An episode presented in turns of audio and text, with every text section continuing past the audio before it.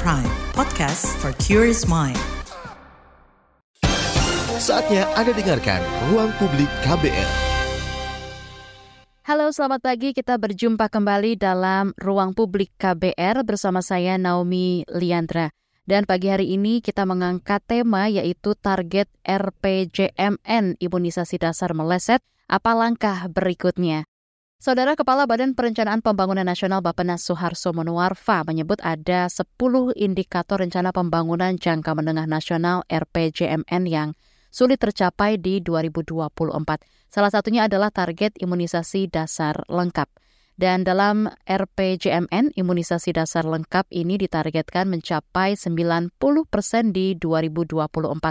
Namun hingga 2022, angka yang dicapai baru sebanyak 63 persen. Padahal imunisasi ini tujuannya adalah untuk memperkuat imunitas anak dan tentunya melindungi anak dari infeksi dan juga penyakit. Dengan target imunisasi dasar yang sulit dicapai ini, langkah seperti apa yang harus diambil? Kita akan perbincangkan hal ini di ruang publik KBR bersama dengan kedua narasumber kita. Ada Prima Yosefin, Direktur Pengelolaan Imunisasi Kementerian Kesehatan Republik Indonesia, dan juga Windy Kresnawati, Research and Development Yayasan Orang Tua Peduli. Selamat pagi Ibu Prima dan juga Ibu Windy. Selamat pagi. Selamat pagi, Mbak. Terima kasih sudah hadir di ruang publik KBR pagi hari ini Ibu Prima dan juga Ibu Windy ya. Baik, uh, Ibu Prima terlebih dahulu bisa diingatkan kembali ini dan juga dijelaskan apa imunisasi dasar lengkap dan seperti apa saja tujuannya. Silakan Ibu.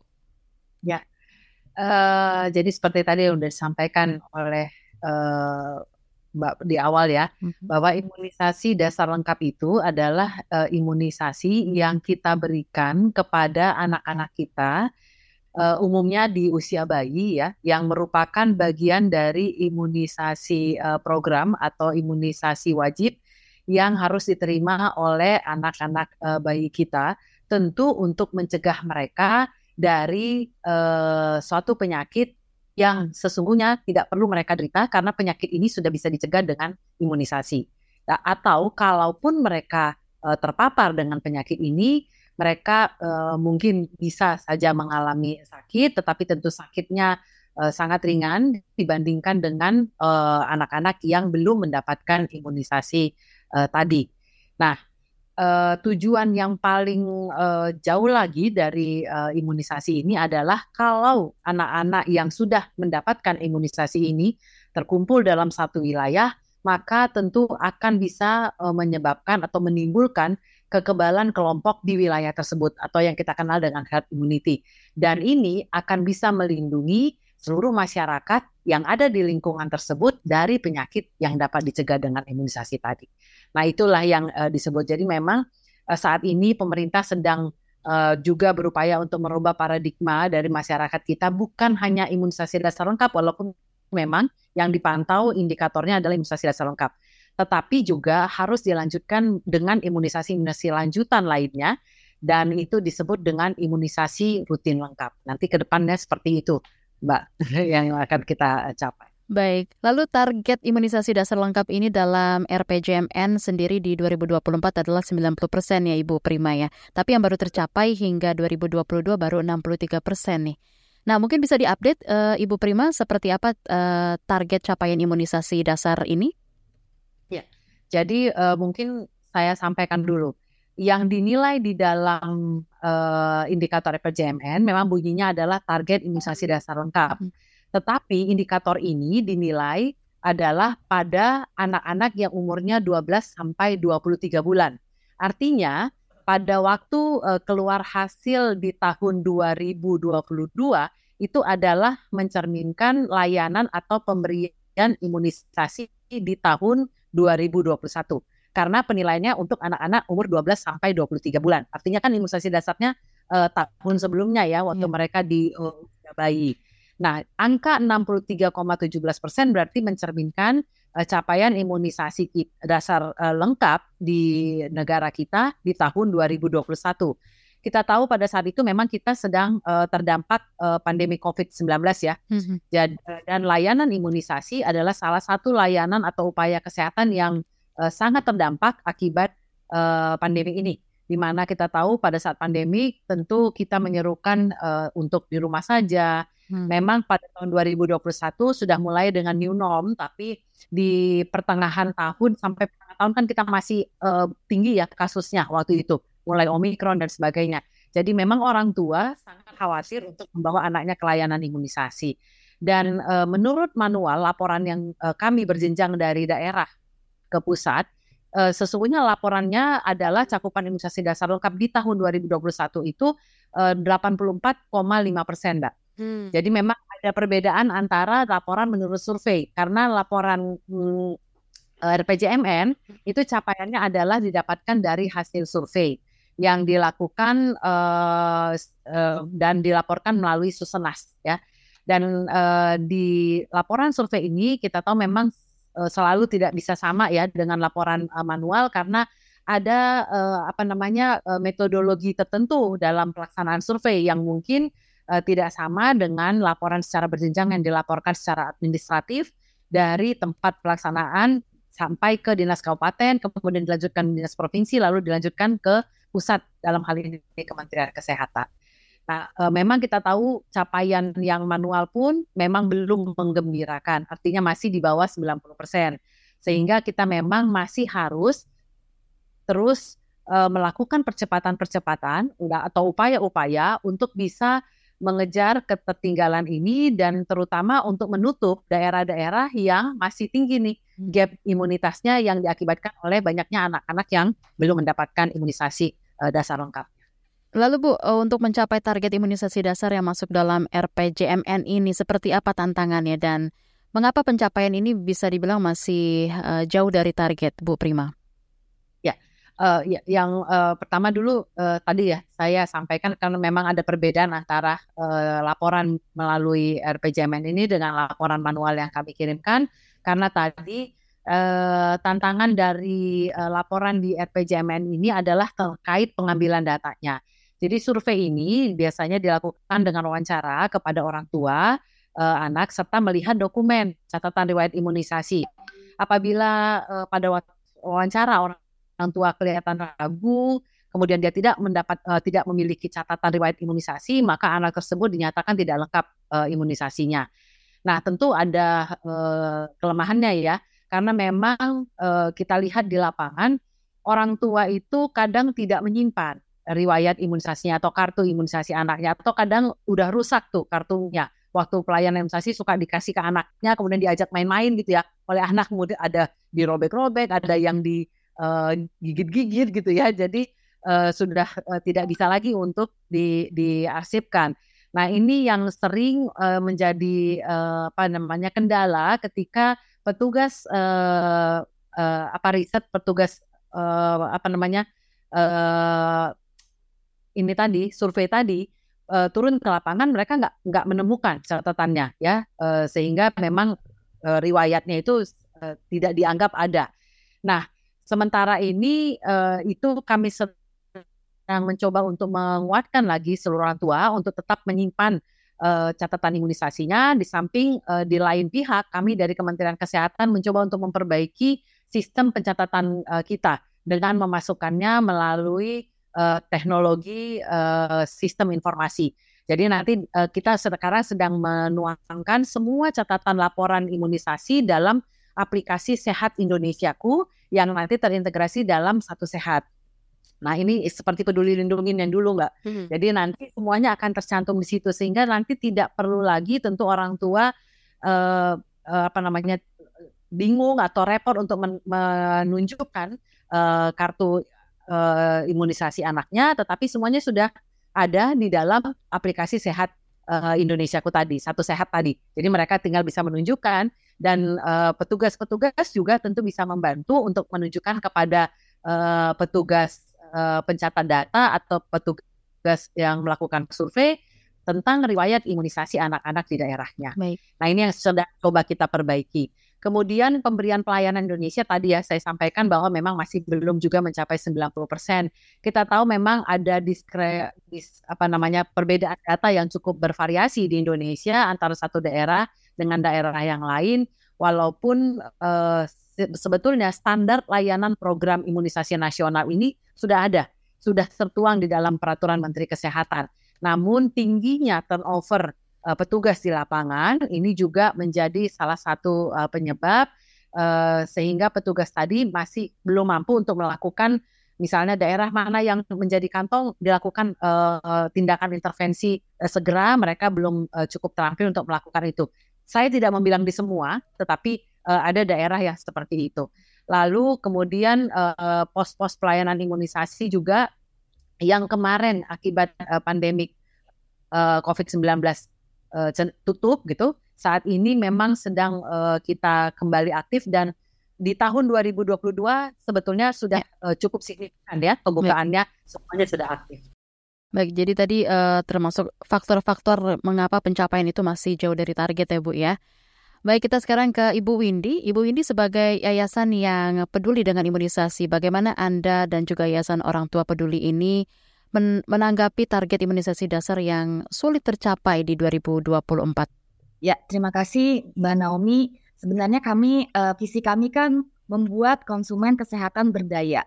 Kami dari sejak tahun 2004 sebenarnya telah mempromosikan imunisasi.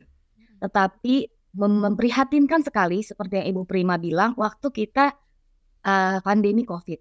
Kita memiliki double burden, dihajar COVID dan dihajar rendahnya imunisasi. Sehingga difteri muncul lagi, polio muncul lagi. Dan ini sangat merupakan keprihatinan semua pihak. Yang kedua, efek domino dari rendahnya imunisasi. Kita lihat RPJMN kita itu stunting, wasting, itu contributing factornya dari imunisasi. Ketika seorang anak bulak-balik sakit berat, tentu gisinya akan buruk. Wasting akan naik, stunting akan naik, dan bagaimana dengan nawacita presiden? Kualitas sumber daya manusia itu juga berpengaruh. Lalu ekonomi, ketika ada wabah, ketika anak-anak bulak-balik sakit, baik itu uh, yang bisa dicegah dengan imunisasi atau karena gisinya yang buruk, maka ekonomi, stabilitas ekonomi juga akan berpengaruh. Kami melihat bahwa ini tanggung jawab kemanusiaan untuk semua komponen negara. Tidak bisa pemangku kebijakan yang bekerja sendirian, sehingga semua harus berpartisipasi. Selama pandemi COVID, kami membuat rangkaian webinar-webinar tentang imunisasi. Bagaimana kita tidak boleh menghentikan atau menunda imunisasi karena takut COVID. Pasti ada tempat-tempat yang bisa kita datangi untuk melengkapi imunisasi anak-anak kita. Termasuk mendukung imunisasi simultan. Satu kali datang, beberapa kali tusuk. Itu sangat meningkatkan capaian. Ya kami juga bekerja sama dengan pemerintah waktu itu Bu Prima, Kominfo. Apa sih masalah di lapangan yang membuat ibu tidak membawa anaknya imunisasi? Nah, jadi double burden ini, kemudian efek domino ini itu harus kita selesaikan bersama-sama semua komponen bangsa Indonesia. Baik, nanti kita lanjutkan kembali perbincangan kita dengan kedua narasumber kita ada Ibu Prima dan juga Ibu Windy. Kita membahas mengenai target RPJMN imunisasi dasar meleset apa langkah berikutnya. Ruang publik akan segera kembali. Masih Anda dengarkan Ruang Publik KBR. Commercial break. Commercial break.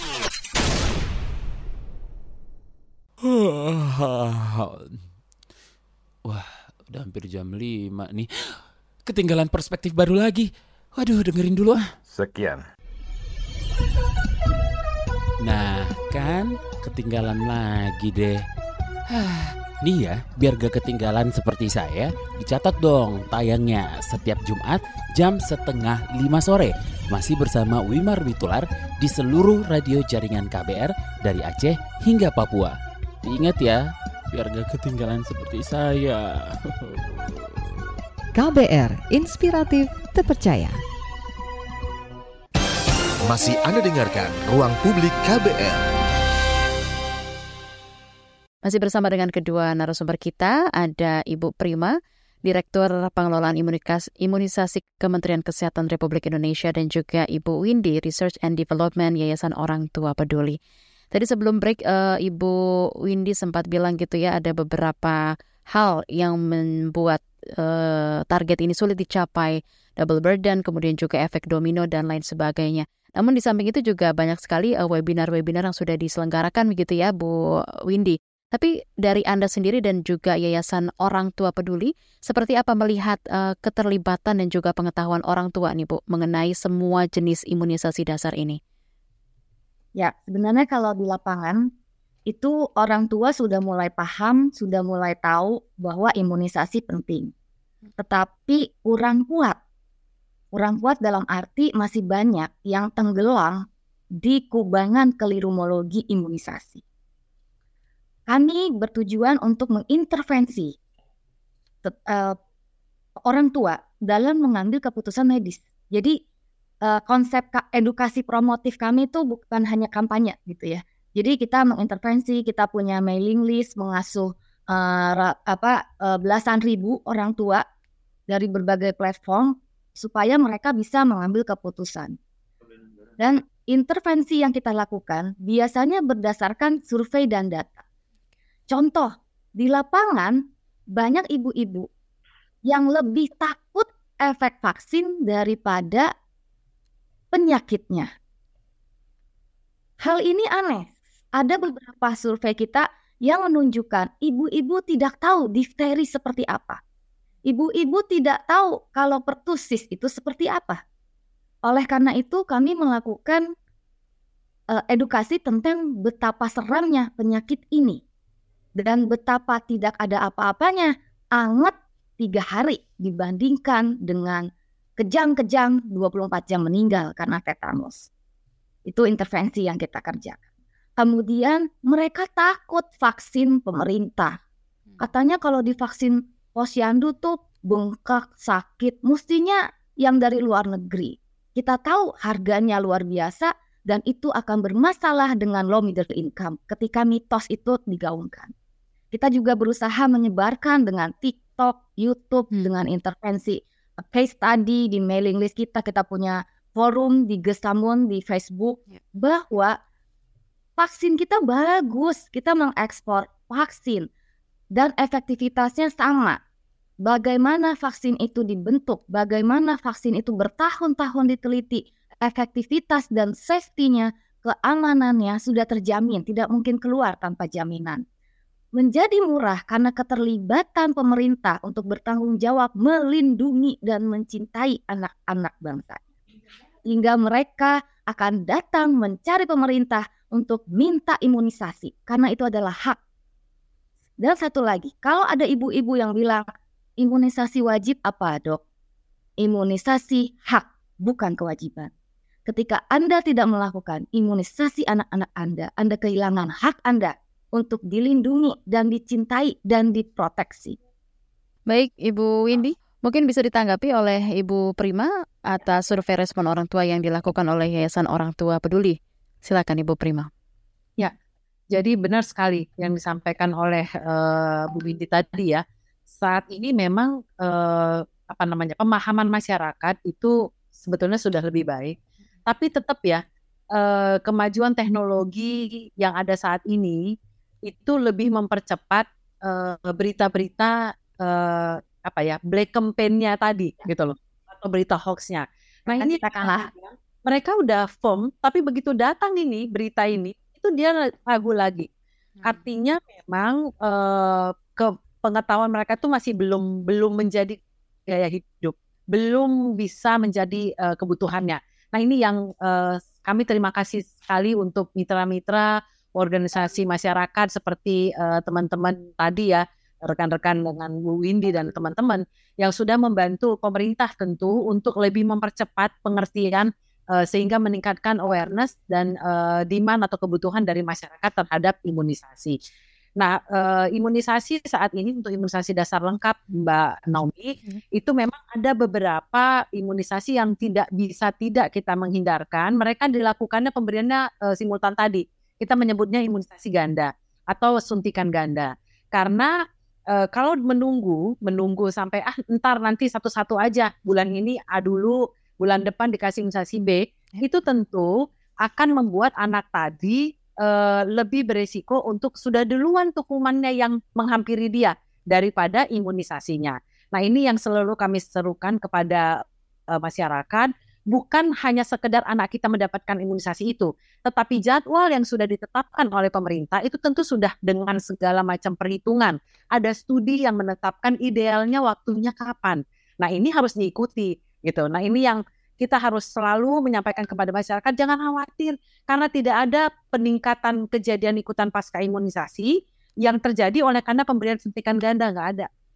Semua sama anaknya nangisnya juga sama kok durasinya nggak ada lebih, lebih panjang gitu nggak nggak juga gitu jadi sebetulnya hanya perlu uh, apa namanya di awal-awal pemahaman dan oleh karena mereka paham mereka akhirnya mau gitu ya merelakan atau mengindikan anaknya untuk dilayani double uh, injeksi. Nah, setelah berikutnya sih yang kami lihat di uh, lapangan untuk daerah masyarakat yang sudah mau mengerti, itu beri, kunjungan berikutnya sudah sudah biasa karena mereka sudah lihat dan sudah uh, nyata gitu ya bahwa anaknya tidak masalah. Yang kedua yang tadi masalah kipi ini juga yang menghantui karena biasanya biasanya demam tuh umumnya itu ya ini dia keluhannya. Kalau dapat datang ke posyandu suka demam. Tapi kita selalu menyampaikan dan uh, melalui uh, siaran hari ini juga kami ingin mengingatkan kembali bahwa demam yang dialami oleh anak-anak kita ini merupakan respon tubuh. Respon tubuh yang menyatakan bahwa memang betul ada terjadi pembentukan reaksi imunitas di tubuh yang uh, menandakan bekerja ya vaksin yang kita berikan tadi. Nah, sebetulnya uh, dari vaksin yang tidak demam dibandingkan dengan yang demam, ini reaksi imunitasnya jauh loh lebih tinggi yang demam dan lebih lama gitu loh. Jadi anak kita itu terlindungnya lebih lama. Nah, seperti itu. Dan uh, yang terakhir mungkin yang saya mau ingatkan uh, kepada seluruh uh, pendengar uh, di sini adalah apa yang dipilihkan oleh pemerintah tentu adalah yang terbaik. Kita nggak pernah memberikan yang tidak baik tentu untuk generasi penerus kita. Jadi ketika pemerintah sudah menyampak menyediakan gratis, hmm. ibu-ibu hanya bisa hanya perlu datang ke tempat layanan yang sudah disiapkan. Nah dengan begitu kita bisa menyiapkan masa depan Indonesia dengan lebih baik karena kita punya generasi penerus yang sehat dan kuat. Itu, Mbak Nomi. Baik, Ibu Prima. Lalu kalau kita balik lagi ke program imunisasi dasar begitu ya, seperti apa nih Bu sistem pemberian imunisasi dasar yang ada di daerah-daerah di Indonesia sudah uh, menyebar secara meratakah atau seperti apa Bu? Ya, jadi uh, kami dari pemerintah tentu uh, mencoba untuk menyebarkan semuanya uh, ke seluruh daerah. Hmm. Dengan uh, era desentralisasi saat ini tentu ada pembagian uh, tanggung jawab dan wewenang yang berjenjang antara pemerintah pusat sampai ke pemerintah daerah. Pemerintah pusat dalam uh, hal ini Kementerian Kesehatan kami itu bertanggung jawab untuk menyiapkan semua logistik untuk imunisasi, vaksinnya, alat suntiknya, kotak pengamannya gitu ya, dan juga menyiapkan uh, terkait kebijakan-kebijakan misalnya uh, pedoman, kemudian peraturan-peraturan yang ada seperti itu kita siapkan. Juga materi-materi pelatihan. Nah, uh, kemudian ini tentu harus disambut oleh uh, pihak pemerintah daerah, baik dari provinsi maupun kabupaten kota untuk bisa mendistribusikan hal ini tadi ke jenjang yang lebih bawah sampai ke tempat pelayanan. Nah, ini tentu yang kita minta komitmen dari pemerintah daerah, Pak Nomi. Karena tentu saja apa yang sudah disiapkan pusat sedemikian lengkapnya tentu tidak akan bisa dirasakan oleh masyarakat kalau uh, pemerintah daerah tidak menanggapinya dengan uh, baik juga. Nah, kami akan menyiapkan logistik sampai ke level provinsi. Itu tanggung jawab kami. Kami akan uh, distribusi sampai provinsi, tapi untuk bisa sampai ke tempat layanan diperlukan uh, tentunya kerjasama pemerintah provinsi untuk uh, go down ke kabupaten kota nanti pemerintah kabupaten kota akan meneruskannya ke tempat-tempat layanan imunisasi. Saat ini sih yang kami uh, dapatkan berita untuk hal logistik itu tidak ada yang terkendala ya. Semua sudah mendapatkannya untuk logistik. Kemudian uh, tadi tentu logistik nggak cukup ya. Tentu ada hal-hal lain, misalnya petugas yang cukup cakap untuk memberikan uh, pelayanan, ya. juga untuk melakukan intervensi sesuatu itu juga harus disikapi. Itu bisa bisa dibilang sebagai support system juga ya Bu ya? Betul, betul. Jadi ada banyak hal sebetulnya yang berpengaruh untuk bisa terlaksananya kegiatan ya. ini. Baik. Sebelum itu kita akan coba angkat dulu satu penelpon yang sudah masuk di telepon bebas pulsa KBR ada Ibu Tri di Jakarta. Selamat pagi Ibu Tri. Ya, selamat pagi Mbak. Uh, selamat pagi untuk Ibu Prima dan Ibu Windy. Uh, perbincangan pagi ini uh, sangat menarik ya dan terutama uh, mereka juga uh, mengkhawatirkan begitu tadi seperti uh, Ibu ini tadi ya kalau nggak salah sempat bilang uh, sudah mulai ada penyakit-penyakit yang sebenarnya bisa di apa dicegah dengan uh, vaksin imunisasi dasar sudah bermunculan seperti tadi contohnya difteri sama kalau nggak salah uh, polio ya. Nah itu untuk jangka panjangnya uh, bagaimana ya Bu ya supaya efeknya itu nggak jadi berjangka panjang begitu? Apakah mungkin uh, uh, apa namanya dilakukan pencegahan uh, makin panjang efek karena uh, apa kekurangan atau ketidak anak-anak tidak menerima vaksin ini untuk dicegah dampak jangka panjangnya tadi kalau nggak salah ada dampak-dampak ekonominya juga dan dampak kesehatannya juga gitu ya. Nah, nah untuk itu juga tadi menarik juga ya hoax soal imunisasi begitu tadi. Gimana tuh uh, apa uh, cara atau langkah Ibu Prima dan Ibu uh, Windy itu untuk uh, hoax-hoax ini bisa di ditangkal begitu Bu dengan cara-cara seperti apa. Saya kira itu saja. Terima kasih. Terima kasih dari Jakarta ada Ibu Tri yang sudah memberikan pertanyaan. Nanti mohon dijawab oleh kedua narasumber kita setelah pesan-pesan berikut ini. Tetaplah di ruang publik KBR dengan tema kita target RPJMN imunisasi dasar meleset apa langkah berikutnya. Masih Anda dengarkan ruang publik KBR. Yuk follow social media KBR. Twitter at Berita KBR, Instagram at KBR.id, Youtube Berita KBR. Masih Anda dengarkan Ruang Publik KBR. Oke, kita kembali lagi di Ruang Publik KBR bersama dengan kedua narasumber kita. Ada Ibu Prima dari Kemenkes RI dan juga ada Ibu Windy dari Yayasan Orang Tua Peduli. Kita masih membahas mengenai target RPJMN imunisasi dasar meleset. Kira-kira seperti apa nih langkah berikutnya? Mungkin ini juga menjawab pertanyaan dari Ibu Tri yang tadi sudah telepon di nomor telepon bebas pulsa KBR. Dari sisi penyakit yang bisa dicegah dengan imunisasi seperti difteri, polio, muncul lagi gitu ya. Dan juga seperti Ibu ini sampaikan juga tadi ini juga menyebabkan berbagai kerugian dan untuk jangka panjang apakah ada langkah yang bisa diambil nantinya untuk menghindari dampak lebih lanjut. Bisa ditanggapi terlebih dahulu oleh Ibu Windy. Silakan Ibu Windy. Imunisasi itu program kemanusiaan, Bu. Karena mencegah manusia menjadi menderita. Jadi kita sama-sama, Bu, dosanya kalau imunisasinya tidak mencapai target. Semua harus melihat imunisasi anaknya sampai remaja, mana yang belum, dan lakukan imunisasi kejar. Karena 12 bulan, DPT kan 2 bulan, tapi 12 bulan belum dapat DPT, kejar. Datangin posyandu, puskesmas. MR terlambat, waktu 9 bulan bolak-balik.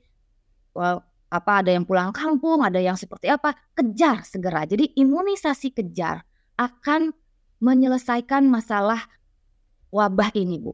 Karena seperti Ibu Prima bilang, semakin banyak yang diimunisasi, maka kekuatan imunitas populasi ya, herd immunity-nya akan semakin tinggi. Dan target imunisasi adalah membuat penyakit punah.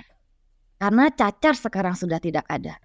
Kenapa cacar tidak ada? Cacar bukan cacar air ya. Iya. Cacar itu karena imunisasinya hampir 100%. Iya. Kenapa campak di Amerika nol? Karena imunisasinya cakupannya sangat luas. Jadi itu yang bisa kita kerjakan. Untuk hoax, kita sering sekali bikin uh, seminar tentang literasi kesehatan. Cari sumber satu pemerintah, dua institusi seperti Ikatan Dokter Anak Indonesia, institusi tiga rumah sakit pendidikan. Ya, rumah sakit misalnya dia punya website RSCM atau Sutomo ya, rumah sakit pendidikan yang non komersil, kemudian institusi pendidikan, pemerintah, uh, institusi uh, uh, profesi ID misalkan atau IDAI dan satu lagi PBB. Misalnya website dari WHO, website dari UNICEF. Itu mempermudah kita tidak terjebak hoax. Yang kedua, menghemat waktu, Bu. Apalagi saya juga ibu-ibu, kalau kebanyakan baca hoax, waktunya habis buat ngurusin anak dan dapur. Jadi uh, hindari individu. Ya, nah, jadi saya selalu bilang jangan lihat windinya, tapi IOP. Kita berusaha menjadi institusi yang bisa uh, memberikan edukasi yang transparan dan benar kepada masyarakat. Jadi bukan uh, maaf bukan individu ya. Jadi kita harus punya uh, lihat dulu apa sih website yang mau kita baca. Karena memang sulit sekali sekarang semua orang bisa bikin berita ya. Zaman dulu hanya jurnalis yang bisa bikin berita. Mungkin itu dari uh, kami dari sisi community. Ya, Mbak. Baik, kalau dari Ibu Prima seperti apa tanggapannya Ibu? Ya, luar biasa Putri. Tadi terima kasih ya kekhawatirannya Putri itu mudah-mudahan menjadi wakil kekhawatiran ibu-ibu lain juga di Indonesia. Jadi, Bu, sebetulnya kita tidak perlu khawatir kalau capaian imunisasi kita itu uh, baik. Jadi betul yang disampaikan oleh Bu Windy tadi, pastikan dulu mulai dari diri kita sendiri, anak-anak kita, tetangga-tetangga sekitar kita yang punya anak-anak itu dipastikan imunisasinya udah benar tadi kata Mbak Nomi imunisasi dasar dulu karena kalau tanpa dasar nggak bisa uh, untuk berikutnya. Hmm. Tetapi saya mau ingatkan lagi imunisasi dasar saja tidak cukup ada beberapa imunisasi yang harus diberikan berulang kali sehingga imunisasi itu harus rutin lengkap. Imunisasi rutin itu ada banyak, ada beberapa ya. Salah satunya tadi untuk mencegah difteri, untuk mencegah polio. Tapi ada banyak penyakit yang bisa kita cegah dengan imunisasi yang sudah disiapkan oleh pemerintah. Nah, sekarang waktunya untuk kita cek dulu apakah sudah lengkap. Kalau belum, segera tadi yang disampaikan Bu Windy, segera datang ke mana pun yang terdekat di kita mau ada posyandu dekat kita atau puskesmas dekat kita atau rumah sakit atau klinik data. Karena tenaga kesehatan lah nanti yang akan menentukan apalagi imunisasi yang harus dilengkapi untuk anak-anak kita. Supaya kita bisa mencegah tadi itu untuk jangka panjangnya. Tadi Butri menanya jangka panjangnya seperti apa? Jangka panjangnya lengkapi imunisasi rutin anak-anak kita. Itu. Karena penyakit-penyakit ini tidak bisa dicegah dengan apa pun. Hmm pencegahan spesifiknya hanya dengan imunisasi. Jadi benar sekali ini kemanusiaan, tanggung jawab kita semua ya, bukan tanggung jawab hanya uh, dokter puskesmas, petugas yeah. enggak. Semua kita bertanggung jawab untuk ini. Kemudian untuk hoax tadi terima kasih Dok. Bu Windy sudah cukup jelas menyampaikan. Saya hanya menyampaikan lagi agar kita tidak menjadi orang yang terlibat dalam menyebarluaskan hoax. Hmm. Kadang kita itu nggak nyari begitu lihat ini berita penting langsung disebarkan. Ini bahayanya gadget ya. Yeah. Kalau dulu agak lamban untuk menyampaikan berita, sekarang jadi cepat sekali. Kita punya grup berapa? Nah, ayo kita jadi cerdas untuk menyaring dengan ciri-ciri seperti yang disampaikan Bu Windy tadi. Kalau memang meragukan, tidak usah di-share. Cukup simpan di kita, hapus, selesai gitu. Supaya tidak makin banyak orang yang tercedera oleh karena. Makasih, Mbak Nomi. Baik, itu dia tadi penjelasan dari Ibu Windy dan juga Ibu Prima atas pertanyaan yang sudah masuk melalui telepon bebas pulsa ya dari Ibu Tri di Jakarta. Kita lanjut lagi Ibu Prima dan juga Ibu Windy. Kita baca beberapa pesan WhatsApp yang masuk di WhatsAppnya Ruang Publik KBR. Dari Padang ada Ibu Dewi yang bertanya kalau anak kita terlambat atau terlewat imunisasinya pada saat bayi, apakah masih bisa disusul Kriterianya seperti apa untuk menerima imunisasi susulan ini? Bisa ditanggapi oleh Ibu Prima, silakan Ibu. Ya, jadi uh, kita mengenalnya dengan istilah imunisasi kejar. Tadi sudah disampaikan uh, Bu Windy ya. Uh, tidak ada kata terlambat sebetulnya untuk imunisasi ya.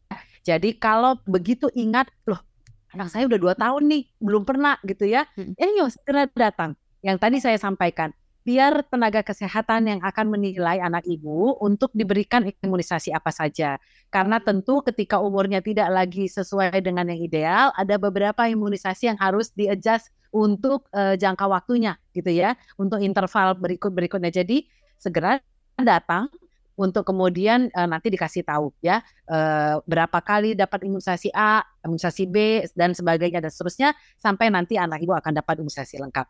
Jadi uh, kalau nggak ada kata terlambat sekali lagi untuk imunisasi. Baik, terima kasih Ibu Prima. Lalu dari Semarang ada Ibu Tika. Ibu Windy tadi bilang imunisasi ini hak bukan kewajiban. Artinya sekolah-sekolah tidak bisa mensyaratkan imunisasi dasar lengkap sudah dilengkapi saat masuk sekolah kah? Seperti apa Ibu Windy tanggapan Anda silakan? Hak itu artinya untuk kepentingan tertinggi kita sendiri. Jadi kalau tidak diambil rugi besar. bukan berarti ada tempat untuk menolak imunisasi. Bukan berarti ada tempat untuk tidak memaksakan imunisasi. Dari sisi pasien, imunisasi adalah hak. Sehingga tidak ada tempat bahwa kalau hak berarti saya boleh menolak. Itu adalah kepentingan dan bukti cinta ibu untuk mencegah anak-anak ibu dari penderitaan. Campak itu bukan cuma demam terus merah-merah. Campak masuk ke otak, kalau hidup bisa mengalami disabilitas seumur hidup atau tidak hidup sama sekali. Itu adalah bukti kepedulian kita sama orang yang kita sayang. Jadi, kalau sekolah mensyaratkan imunisasi, dia sayang sama murid-muridnya. Ya, jadi cara pandangnya harus begitu. Mindsetnya seperti itu ya. Kalau dari Ibu Prima, menanggapi seperti ya. apa? Ya, jadi uh, kita selalu menyampaikan bahwa imunisasi itu haknya anak, ya, hak yang mendapatkan Anak, imunisasi. Si ibunya yang milih. Nah, benar. Tapi itu kewajiban justru, kewajiban buat keluarga, kewajiban buat kita sebagai anggota masyarakat, kewajiban buat kami-kami seperti Bu Windy dan saya yang bertugas untuk memberikan layanan. Itu kewajiban. Jadi ibu, ibu kewajiban ibu tadi seperti ibu Windy Iya, untuk iya. membuat anak ibu sehat itu kewajiban ibu loh. Nah, ini tadi yang eh, sebetulnya kenapa kita berikan juga di sekolah, ini bagian dari imunisasi lanjutan. Karena ada beberapa penyakit seperti imunisasi untuk difteri, imunisasi untuk eh, tetanus gitu ya. Kemudian imunisasi eh, untuk campak-campak, rubella itu perlu pengulangan. Jadi harus diberikan di usia sekolah. Nah, kalau anak ibu nggak nggak ikut itu, Ya. akan sangat disayangkan imunisasi yang sudah ibu berikan waktu bayi. Itu nggak ada nggak kuat untuk sampai dia besar gitu. Jadi, ayo jangan ten- yang tadi kembali saya sampaikan, tentu pemerintah sudah mengkaji sedemikian rupa. Bukan konsepnya untuk menyakiti anak-anak, enggak. Hak untuk menciptakan generasi penerus kita tentu ibu-ibu nggak ada yang nggak senang ya kalau anaknya sehat, Iya. kuat, cerdas gitu ya. Nggak ada yang nggak senang lah. Saya juga ibu kok. Ya, Saya juga. Kita paling sedih kalau lihat anak kita sakit kan. Iya. Rasanya kalau bisa kita gantikan dia sakit.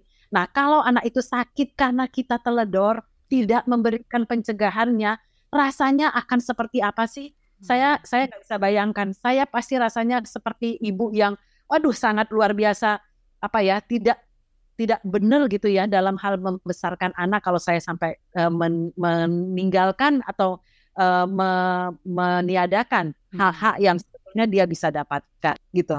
Terima kasih. Jadi itu hak kewajibannya di situ gitu ya, ibu-ibu semua. Ya, Makasih Bu Tika. Kewajiban orang tua benar. Benar. Baik. Baik, nanti kita akan kembali lanjutkan perbincangan kita di pagi hari ini dengan kedua narasumber kita dan untuk Anda yang sudah memberikan pertanyaan, nanti kita akan coba lanjutkan kembali pertanyaannya akan ditanggapi oleh Ibu Prima dan juga Ibu Windy dengan tema kita yaitu target RPJMN imunisasi dasar meleset apa langkah berikutnya. Tetaplah di ruang publik KBR. Masih Anda dengarkan Ruang Publik KBR. Commercial break. Commercial break.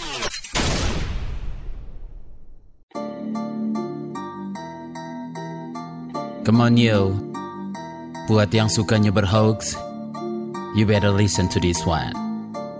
Check this one out yo. Hati-hati kalau baca kabar hoax. Jangan langsung disebar kabar yang hoax. Kalau mau tahu kabar benar atau hoax, dengerin cek fakta yang pasti bukan hoax. Dengerinnya setiap Senin yang jelas bukan hoax. Cuma ada di kbrprime.id dan aplikasi podcast lainnya. Hoax. Sudah cukup-cukup hoaxnya? Hoax. Cukup. Jaga emosi, tahan jari, verifikasi sebelum dibagi.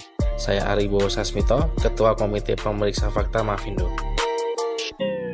KBR Prime, podcast for curious mind. Masih Anda dengarkan Ruang Publik KBR. Ya, kita sudah berada di siaran akhir ruang publik KBR pagi hari ini. Ibu Prima dan juga Ibu Windy, kita lanjut ya baca satu pesan lagi dari WhatsApp yang sudah masuk. Baik, di sini ada dari Manado, ada Bapak Johan. Bapak Johan memberikan pertanyaan, seperti ini. Sistem pencatatan digital dan terpusat harus mulai dilakukan biar data terpusat dan tidak hilang. Belum lagi kalau ada bencana. Tapi kalau aplikasi mungkin untuk masyarakat yang ekonomi lemah atau daerahnya masih sulit listrik dan sinyal akan ada kendala. Mungkin itu uh, tanggapan dari Pak Johan ya bisa ditanggapi oleh Ibu Prima dan juga Ibu Windy silakan. Benar sekali Pak Johan karena kita tahu bahwa uh, sistem digital ya di negara kita kan nggak nggak sama ya. Even di daerah yang uh, cukup baik pun uh, sering sekali sinyal berkendala juga nggak stabil gitu. Hmm.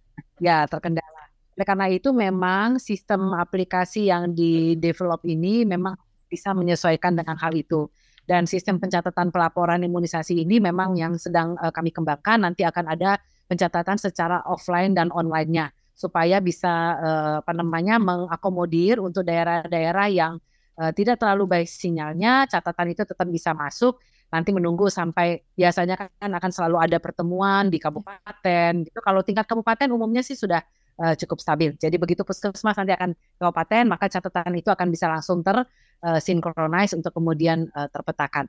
Tapi memang harus dibutuhkan kesabaran ya, karena sistem ini memang uh, sedang uh, dikembangkan uh, bertahap dan menyangkut semua sistem pencatatan terkait kesehatan di Indonesia. Nanti semuanya akan uh, tersatu di dalam satu sehat yang uh, selama ini mungkin masyarakat cukup populer dengan istilah peduli lindungi yang sekarang sudah di uh, pindahkan ke dalam satu sehat. Nah, nanti semua laporan untuk layanan uh, kesehatan termasuk imunisasi akan ada di dalam itu. Jadi mudah-mudahan tidak ada lagi yang terhilang karena uh, bencana atau karena memang sistem penyimpanan yang kurang baik ya Pak Johan. Makasih loh untuk ya, atensinya. Baik, dari YOP seperti apa Ibu Windy mungkin ada tambahan? Silakan. Wah, mungkin sudah cukup ya dari Bu Prima. Kalau kami sih ini kita membantu masyarakat mengisi formulir itunya, kita bantu. Hmm. Yang asik ya Bu Prima ya. Ya benar ya, benar asik. Ya jadi kita bantu supaya uh, kan ada yang uh, apa apa gadgetnya juga nggak paham dulu yang seperti itu gitu. Tapi pasti pemerintah akan mengakomodir itu di tempat-tempat yang seperti Bu Prima bilang sudah cukup. Oke, baik. Lalu Ibu Prima, salah satu target lainnya di RPJMN ini kan yang sulit tercapai adalah stunting balita begitu Bu ya yang ditargetkan sebesar 14 persen di tahun 2024 dan angka stunting di 2022 saja masih sebesar 21,6 persen. Apakah angka stunting yang masih tinggi ini dipengaruhi juga karena imunisasi dasar yang belum lengkap dan juga belum diterima oleh si anak ini Bu? Iya, jadi uh, imunisasi itu memang salah satu intervensi spesifik dari stunting karena memang cukup uh, berpengaruh ya untuk terjadinya uh, stunting dan juga untuk uh, penanggulangan stunting. Karena tadi sudah disampaikan oleh Bu Windy di awal ya, bagaimana anak bisa tumbuh bagus, berkembang baik kalau uh, dia sakit-sakitan. Ya, tentu uh, yang dia makan pun uh, gizi yang sudah kita kasih tidak akan bisa terasosiasi dengan baik. Contohnya saja yang sederhana, misalnya uh, sekarang kita memasukkan imunisasi rotavirus ke dalam uh, program imunisasi rutin kita sebagai antigen baru. Ini salah satu antigen yang cukup uh, baik ya, apa imunisasi yang cukup baik untuk mencegah uh, penyakit uh, diare berat yang umumnya terjadi pada bayi yang disebabkan oleh virus rota. Hmm. Nah, uh, kalau seandainya tidak kasih nih imunisasi ini, kenapa kenapa pemerintah memberikannya? Karena memang kita lihat uh, tinggi ya angka kematian disebabkan oleh diare berat di anak itu cukup tinggi. Nah, e, kalaupun tidak e, meninggal dunia anaknya, tentu e, jelek untuk penyerapan e, makanan yang diberikan oleh ibunya. E, bagaimana dia bisa e, terhindar dari stunting kalau hal ini terjadi? Gitu. Jadi itu salah satu contoh aja. Ada ada banyak lagi seperti misalnya anak kena pertusis, batu-batu terus gimana makan ya. Kemudian anak kena difteri sama aja. Jadi artinya ya, tanpa imunisasi lengkap tanpa imunisasi yang uh, diberikan mulai dari dasar tentunya sambil dilanjutkan tentu uh, kita tidak bisa untuk bisa mencapai target stunting yang sudah diterapkan. Jadi ini harus uh, bersama-sama kita menyapai. Baik.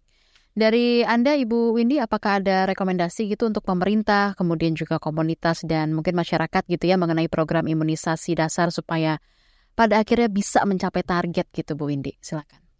Ya, terima kasih banyak. Mumpung ketemu Kementerian Kesehatan, silakan mengusulkan dua hal dari IOP yang selama ini uh, dekat gitu ya dengan komunitas. Yang pertama memperkuat jejaring dengan tokoh masyarakat, dengan pemuka agama, dengan sektor swasta, sektor publik, termasuk dengan non-government organization seperti kami, kita harus sama-sama untuk strong mengkampanyekan imunisasi. Tapi tolong dipersenjatai dua hal. Yang pertama ilmu imunisasinya, misalnya tokoh-tokoh agama ini di briefing ilmu ilmu uh, imunisasinya. Yang kedua uh, senjata teknik komunikasi promotifnya. Karena misalnya dibekali dengan Q&A, karena banyak masyarakat yang uh, mau mendengar tokoh-tokoh ini gitu ya dibanding dengan uh, uh, regulator. Kemudian yang kedua, mohon juga dibekali secara ilmiah petugas di lapangan, Bu. Karena imunisasi kejar kadang masih bingung.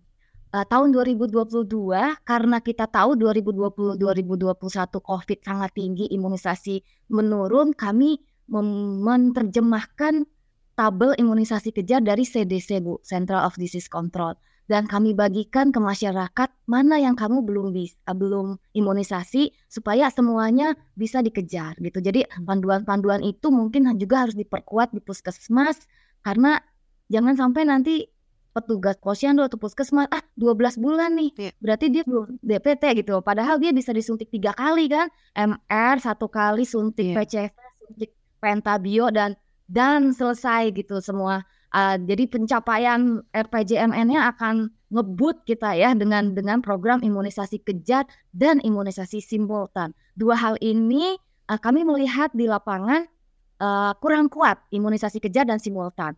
Tapi kalau jadwal pemerintah itu rata-rata uh, semua sudah sangat paham dan sudah sangat uh, baik ya. Baik. Kemudian maaf satu lagi karena kita tangannya yayasan itu kan cuma sampai edukatif dan promotif regulasi yang punya kekuatan pemerintah. Mungkin regulasinya juga harus kuat. Sudah banyak negara yang mensyaratkan imunisasi untuk SD, sudah banyak negara yang mensyaratkan imunisasi untuk masuk ke uh, taman bermain misalnya seperti itu, Bu.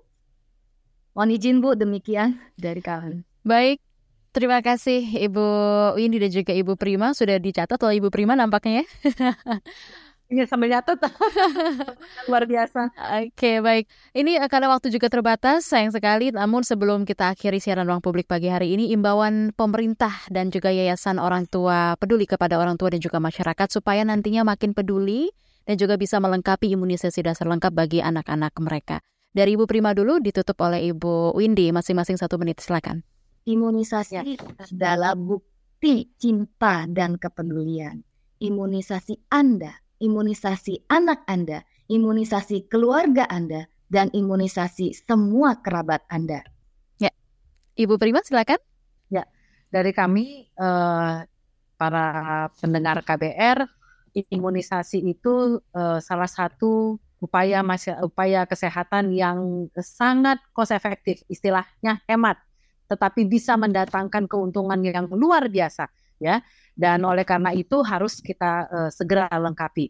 Saat ini imunisasi rutin lengkap harus segera kita gencarkan ya. Maka bawalah segera anak-anak kita ke pos pelayanan uh, terdekat yang memberikan layanan imunisasi sesuai jadwalnya. Kalau sudah terlewat jangan takut, tidak ada kata terlambat untuk imunisasi, segera datang untuk melengkapi uh, imunisasi yang sudah terlewat tadi.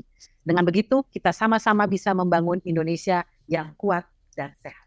Baik, terima kasih banyak untuk kedua narasumber kita pagi hari ini. Ada Ibu Prima Yosefin, Direktur Pengelolaan Imunisasi Kesehatan Imunisasi Kementerian Kesehatan Republik Indonesia.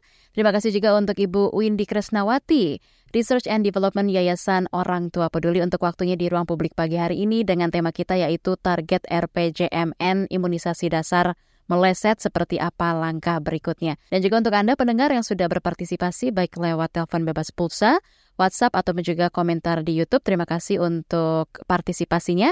Akhirnya saya Naomi Liandra pamit undur diri. Selamat pagi dan sampai jumpa. Baru saja Anda dengarkan Ruang Publik KBR. KBR Prime, cara asik mendengar berita. KBR Prime, podcast for curious mind.